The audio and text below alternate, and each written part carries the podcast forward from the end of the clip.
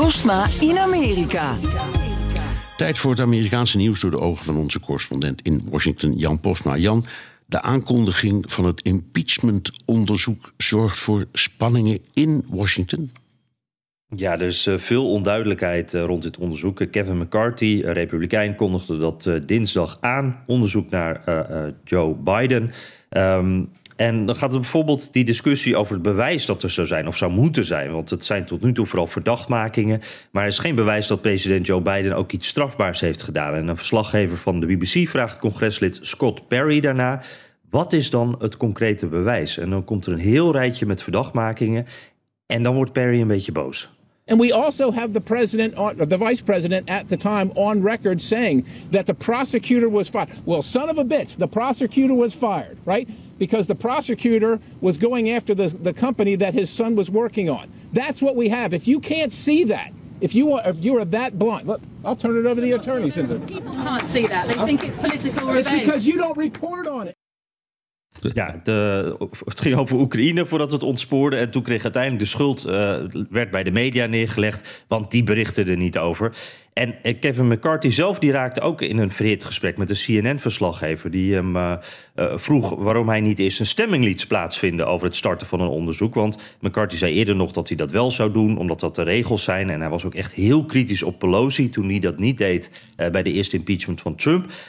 waarom veranderde hij nou van mening? Nou, dat eindigt zo.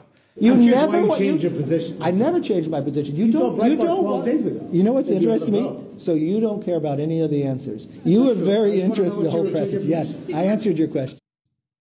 Ja, uh, hij beantwoordde die vraag helemaal niet. Die uh, ging snel uh, door en er kwam gewoon geen duidelijk antwoord op. Helemaal geen antwoord. En er is wel een duidelijke reden waarom er geen stemming is geweest. Hij heeft op dit moment gewoon niet genoeg steun, ook vanuit zijn eigen partij, om officieel zo'n impeachment te starten. De Freedom Caucus wil dit, de rechtse vleugel van de Republikeinse Partij. Maar de gematigde Republikeinen die staan hier niet achter, omdat ze geen bewijs hebben gezien. dit is congreslid Ken Buck. I have not seen any evidence that links uh, President Biden to Hunter Biden's activities at this point. I will be getting a briefing later in the week. I'm looking forward to uh, understanding more of what the Oversight Committee has uncovered. But at this point, I have, I have not seen that evidence.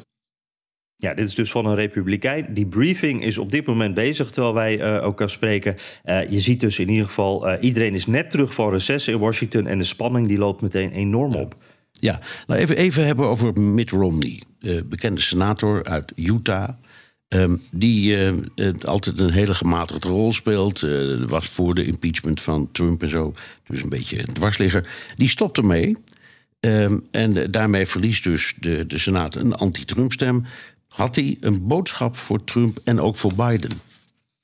Ja, uh, hij kwam met een video waarin hij het aankondigde. En toen zegt hij: uh, Ik heb de leeftijd op te stoppen. Ik ben nu 76. En uh, straks zou ik dan nog midden in mijn.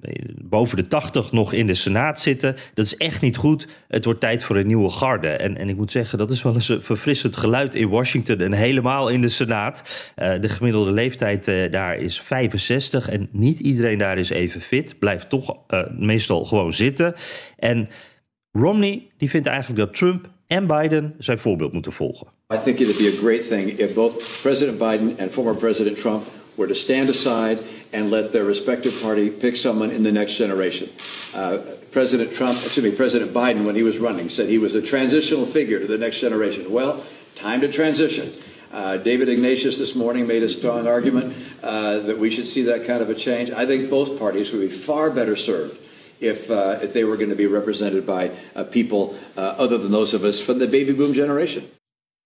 Ja, dit hoor je echt zelden, nooit in de Senaat en ook niet in het Witte Huis. En uh, ja, ik denk dus ook niet dat er echt geluisterd gaat worden. Niet in de Senaat en ook niet in het Witte Huis. Uh, ja, ik denk uh, oudere mannen en luisteren, horen, dat is vaak wat een beetje lastig in dit geval. Ja, ja, ja, ja, wat dat betreft is Mitt Romney ook een beetje een eenzame figuur. Er wordt nooit naar geluisterd, hè. Dus, maar goed. Nee, um, precies. Het, het is Jan, ook een beetje sneu hoe zijn carrière eindigt op die manier. Ja, dat is... Dat is hey, even over Mark Pence, de, de, de, de de, de oud-vicepresident, die ook, die ook uh, kandidaat is, die heeft moeilijkheden op zijn campagne.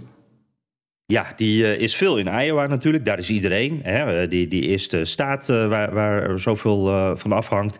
En Trump-supporters nemen het hem nog steeds kwalijk dat hij niet, officieel, niet het officieel maken van de uitlag stopte op 6 eh, januari 21. Hè. Bestorming van het Capitool kennen het verhaal. Hij kon dat niet doen, mag niet volgens de grondwet, maar het wordt hem nog steeds nagedragen.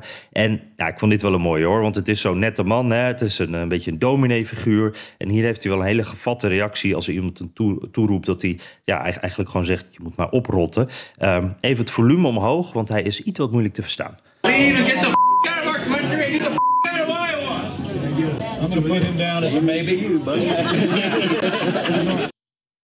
Ja, wat hij dus zegt, I'm gonna put him down as a maybe. Zo van, nou, misschien kan ik hem nog wel overtuigen. Uh, ik vond een mooie gevatte uh, reactie van uh, Pence. En ook hier, de man in kwestie heeft het denk ik niet eens gehoord wat Pence zei. Zal zeker niet luisteren.